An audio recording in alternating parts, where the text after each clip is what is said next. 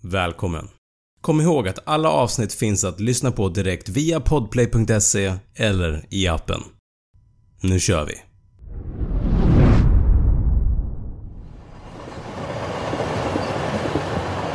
Ett skenande tåg med trasiga bromsar rusar fram på ett spår. En bit fram ligger fem personer fastbundna på spåret och oförmögna att röra sig. De riskerar att bli överkörda av tåget.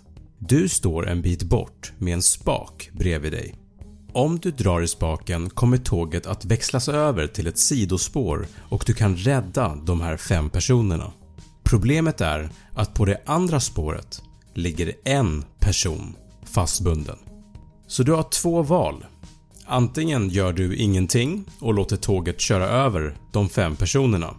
Eller så drar du i spaken och offrar en person för att rädda fem.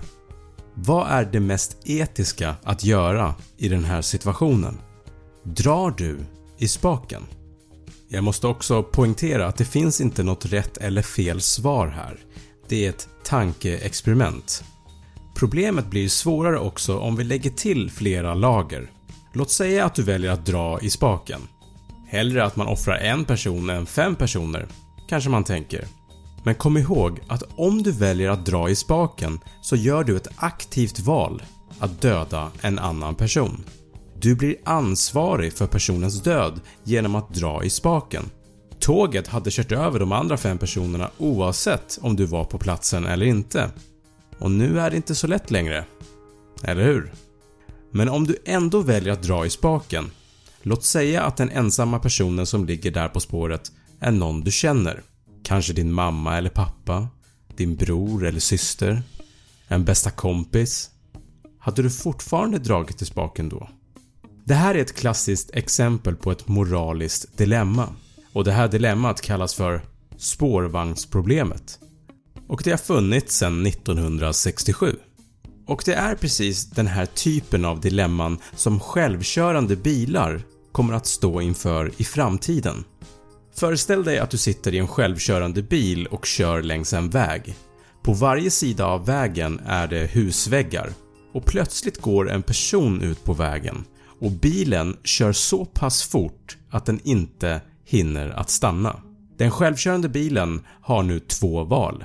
Antingen kör bilen över personen som står på vägen eller så svänger bilen undan och in i en husvägg vilket dödar dig som sitter i bilen istället.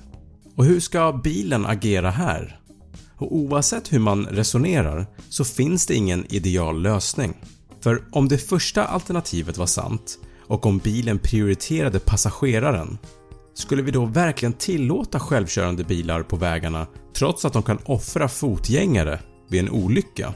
Och om det andra alternativet var sant, om bilen prioriterade omgivningen, skulle någon våga sätta sig i en självkörande bil om man visste att man själv kan bli offrad vid en olycka?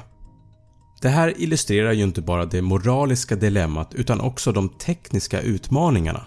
Självkörande bilar måste programmeras för att snabbt kunna identifiera och reagera på oväntade händelser som en plötslig förändring i vägförhållandena eller om det till exempel springer ut en människa på vägen.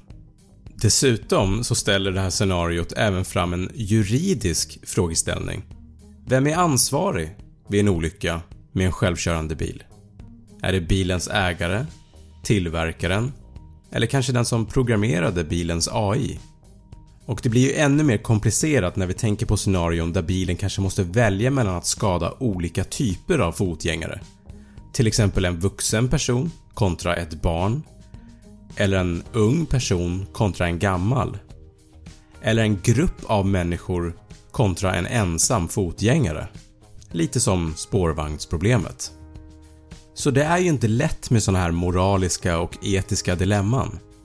Men vad är din åsikt om spårvagnsproblemet? Gör du ingenting och låter fem personer köras över av tåget? Eller drar du i spaken och offrar en person för att rädda fem, men med konsekvensen om att du blir ansvarig för en annan persons död. Skicka mig ett DM på Instagram eller skriv en kommentar där. Det vore intressant att se hur just du tänker. Och som alltid, tack för att du har lyssnat. Glöm inte att prenumerera på min YouTube-kanal Snabbfakta och följ mig gärna på Instagram där jag heter snabb.fakta. Är det någonting ni undrar så kan ni alltid slänga iväg ett mail till snabbfakta1 gmail.com